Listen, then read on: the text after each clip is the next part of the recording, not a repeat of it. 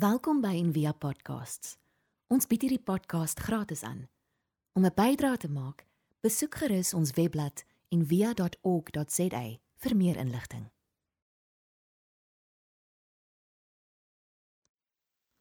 Ehm um, dis dalk vreemd baie keer om te dink oor wat praat ons by die kerk? Ons praat oor iemand anders, weet ons praat oor iemand anders se teologie of so storie in plaas daarvan om net te praat oor Jesus of oor die Bybel en so. Maar ehm um, die mooi van agter Jesus aanloop is dat dit nie 'n alleen reis is nie.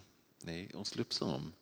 En ek sit laasweek toe ons op die gemeente naweek was saam met uh, Johan Geyser. Hy preek actually volgende week hier, jy moet onthou. Praat ons so oor die ortodokse tradisie hoe as jy nou 'n monnik was en dan as jy nou doodgaan, dan begrawe hulle jou soms so 3 voet graf, so vlak graf. En dan na so 3 maande dan kom hulle terug en gaan haal hulle jou kopbeen, sit hulle maar in die kerk.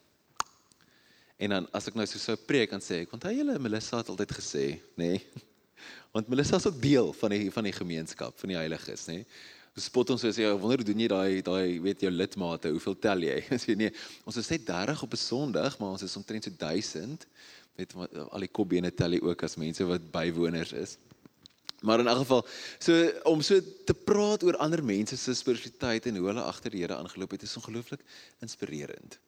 En ons kan so baie leer uit uit mense soos Thomas Merton en al die geringe helde wat ons oor gaan praat oor die volgende 5 weke. En Merton veral is vir my baie baie interessant en spesiaal want hy is so 'n bietjie hy's altyd so 'n bietjie anders. Die, die Katolieke Kerk oor die algemeen het nie baie van hom gehou nie want hy is half bietjie aweregs gewees en het goed gesê wat hy nie altyd moet nie en ehm um, ook bietjie volgens vir sekere mense te veel belang gestel in oosterse gelowe en en um, maar nou eer mense hom verskriklik vir die bydrae wat hy gelewer het. Hy het hy het 77 boeke geskryf. 70. Dis insane. Ek dink ek het ietsie cool gedoen met my ou boekie en so maar 70.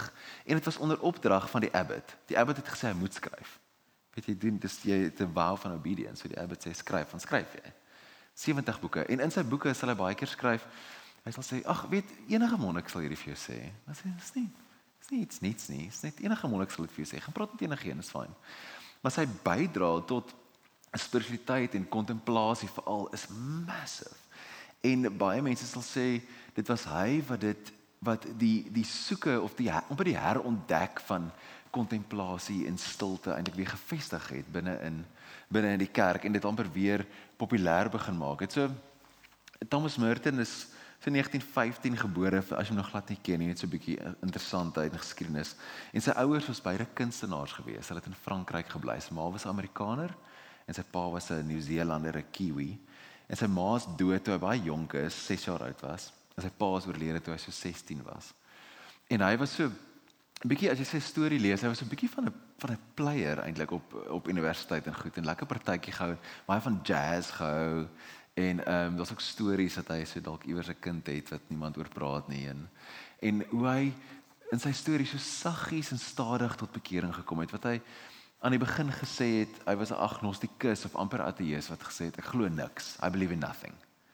En hoe hy hierdie roeping gevoel het na ruk om om 'n monnik te word, om deel te word van die Katolieke Kerk. Hy's gedoop, ek dink toe hy 23 was en deel geword van die Katolieke Kerk en toe later dan besluit hy wil 'n monnik word en deel word van die die Trappist orde orde.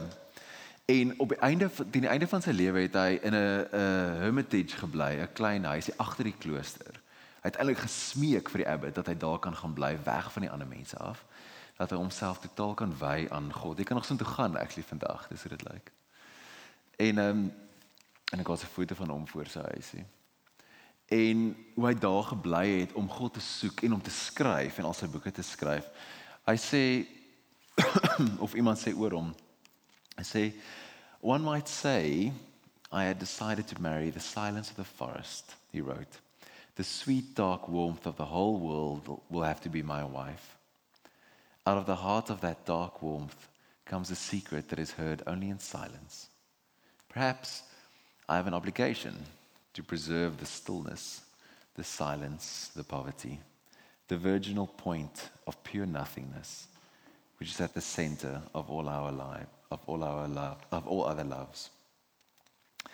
Merton se se bydrae tot die kontemplatiewe lewe is is ek een van die grootstes van die 20ste eeu en volgens hom hy definieer dit op 'n baie mooi manier. Ek wil lees in sy eie woorde. Sê contemplation is the highest expression of man's intellectual and spiritual life it is that life itself fully awake fully active fully aware that it is alive it is spiritual wonder It is spontaneous awe at the sacredness of life, of being. It is gratitude for life, for awareness and for being. It is a vivid realization of the fact that life and being in us proceed from an invisible, transcendent, and infinitely abundant source. Dis mooi, hè? Verskriklik mooi hoe hy praat oor gebed. En ek dink een van sy die groot punte wat hy gemaak het, hy hy sê dat dat kontemplasie is om in aanraking te kom met daai punt binne in jou wat hy genoem het in Frans le point vierge the virginal point hy sê hy beskryf dit so hy sê dis die punt binne in jou wat weggesteek is binne in jou waar God besig is om te skep wat die die beginpunt van jou lewe die beginpunt van jou wese en dat dat dit wanneer jy in kontemplasie is of wanneer 'n kontemplatiewe lewe lewe, is in aanraking met daai essensie van wat God besig is om te doen. En daai bestaan buite ons eie kennis, verby ons eie lig, verby stelsels, verby verduidelikings, verby dialoog, verby ons eie self. En dit dit uitnodig is om te sterf in 'n sin sodat jy in daai punt kan instap en uit daai punt uit kan lewe. En vir hom hy hy tap ook in in die in die narratief van dood en opstanding van death and resurrection en dat kontemplasie is hierdie ewige sterwe sodat ons kan begin om 'n om 'n hoër lewe te lewe. Hy noem dit 'n geskenk van bewustheid. En net soos daai stukkie wat ons nou gelees het, hy sê dat dat ons kan ons sterf sodat sodat jy kan wakker word tot die ware realiteit wat reeds binne in alles is. Vir hom is dit nie iets wat jy van buite af kry nie, dis iets wat binne-in is. Wat soos jy na binne reis jy dit kry. En vir hom is dit hy gebruik hierdie woordspeling op 'n manier dat hy sê kontemplasie is die antwoord op God se roeping. Dat God roep en ons is die woorde wat terug roep. 'n God wat nie 'n stem het nie, wat praat in alles wat bestaan. Die een wat tot ons diepste diepste binneste praat, want ons is eintlik God se woorde. En vir Merton is ook so kontemplasie is nie iets wat jy wat jy doen nie. Dit gaan nie oor soos denke en filosofie of een of ander pseudo sielkunde nie. Dis dis iets wat God gee. Dis 'n geskenk wat jy kry. En daai beautiful teks wat ons nou gelees het aan die begin in Romeine 8 sommer so saam. Hy quote dit ook die hele tyd in sy werk. Ehm um, hy was ook 'n fotograaf en ek het nogal meeste van hierdie foto's wat ek wys, is foto's wat hy geneem het. So hy sê dit dit is 'n geskenk hierdie punt, hierdie virginal point. Ek kan net vir jou lees wat hy skryf in een van sy boeke daaroor. Hy sê at the center of our being is a point of nothingness which is untouched by sin and by illusion, a point of pure truth, a point or spark which belongs entirely to God, which is never at our disposal from which God disposes of our lives, which is inaccessible to the fantasies of our own mind or the brutalities of our own will, this little point of nothingness and of absolute poverty is the pure glory of God in us. En dat hierdie 'n geskenk is. En daai net om my Romeine teks weer te lees is so mooi is.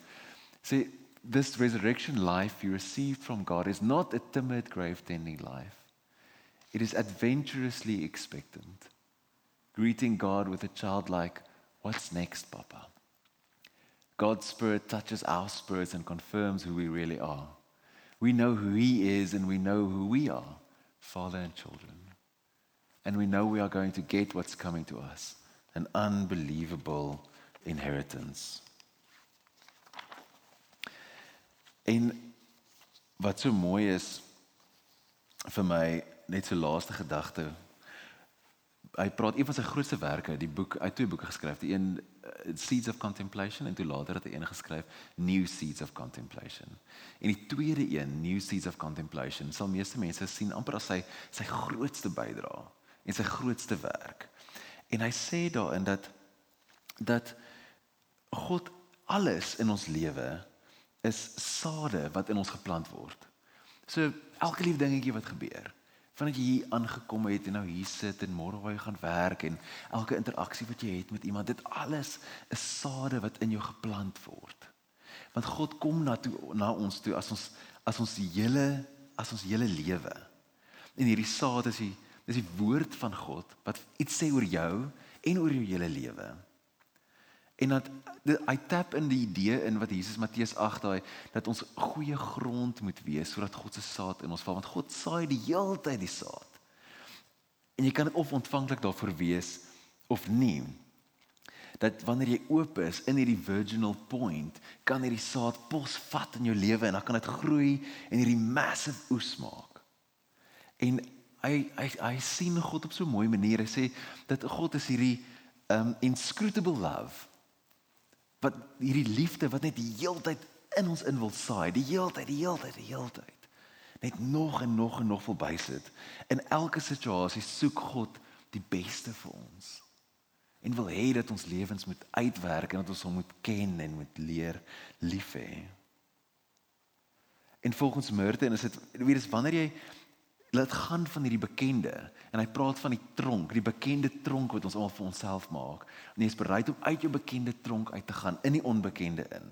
Wanneer jy dan oorgee aan God, is dan wanneer hierdie saad kan posvat in ons lewens en kan groei tot 'n groot oes. En hierdie vreemde sê ding is wanneer ons bereid is om nie meer gevangenes te wil wees nie. Hy skryf vir die een stukkie. Hy sê For it is God's love that warms me in the sun and God's love that sends the cold rain. It is God's love that feeds me in the bread I eat and that feeds me also by hunger and fasting. It is the love of God that sends the winter days when I'm cold and sick and the hot summer when I labor and my clothes are full of sweat. But it is God who breathes on me with light winds off the river and in the breezes out of the wood. His love spreads the shade of the sycamore over my head and sends the water boy along the edge of the wheat field with a bucket from the spring. While the laborers are resting and the mules stand under the tree.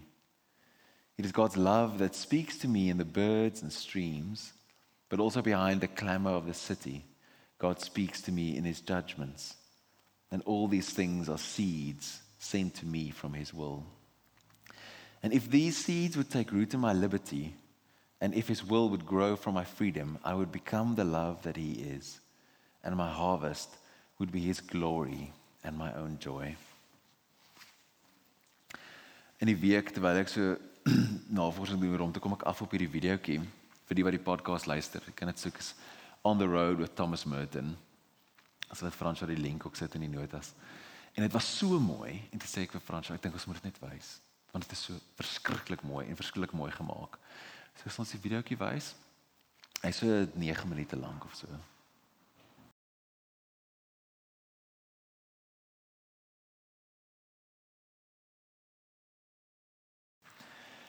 Net om mee af te sluit. Is 'n laaste deel van ehm um, Thomas Merton se skrywe wat vir my so uh, ook net absoluut pragtig is oor God se wil en ek dink is iets wat ek weet ek baie mee struggle en ek weet baie van ons oor wat wat wil God en doen ek genoeg binne in dit. En hierdie is my mooi antwoord. Dit sê my Lord God, I have no idea where I'm going. I do not see the road ahead of me. I cannot know for certain where it will end, nor do I really know myself. And the fact that I think that I am following your will does not mean that I'm actually doing so. But I believe that the desire to please you does, in fact, please you. And I hope that I have that desire in all that I'm doing. I hope that I will never do anything apart from that desire. And I know that if I do this, you will lead me by the right road, though I may know nothing about it. Therefore, will I trust you always, though I may seem to be lost or in the shadow of death. I will not fear, for you are ever with me. and you will never leave me to face my perils alone. Wat my so mooi is van hom en van baie contemplatives as jy hulle werk lees is hoe lief hulle is vir die Here en hoe ingegrawe hulle is in daai punt en hoe diep hulle vertrou dat die Here die beste vir hulle wil hê. Net daai en daai inspireer my die meeste meer as enigiets anders dat Thomas Merton en ander ook soos hy uit so vaste plek uit beweeg. En elke keer terugkeer na daai virginal point toe, na daai plek van waar God besig is om te skep binne in ons en binne in jou. En in die video ook nou waar die vrou sê die contemplative gaan na God toe om geskape te word. En met daai en dis my droom vir my lewe en ek dink vir ons community is daai om 'n community te wees wat so diep ingegrawe is in God se liefde en die practices wat rondom dit gaan en om saam uit daai punt uit te beweeg is iets wat pragtig is en beautiful. En dit het my inspireer. So ek wil vir die Here dankie sê vir Thomas Merton net vir daai. Ons bid saam, julle. Dankie Here Jesus dat dankie vir Thomas Merton se woorde. Vir een van u dienaars wat gehoorsaam was en getrou was. En dat ons ook kan leer wat dit is om geskape te word deur u. Dat ons kan leer deur om weer opnuut om onsself te laat gaan en om die saad wat u in ons wil lewens wil saai en reeds saai te kan ontvang sodat dit 'n groot oes kan wees. Here help ons om vas te staan in die vertroue en die geloof dat U net die beste vir ons wil hê. Dat elke ding wat gebeur, U is wat na ons toe kom in U groot liefde. En dat U besig is om ons te skep. En dat ons U kinders is, diep weggesteek binne in U. Ons loof U naam. Amen. Ons hoop van harte jy het hierdie podcast geniet of raadsaam gevind. Besoek gerus en via.ok.za vir meer inligting.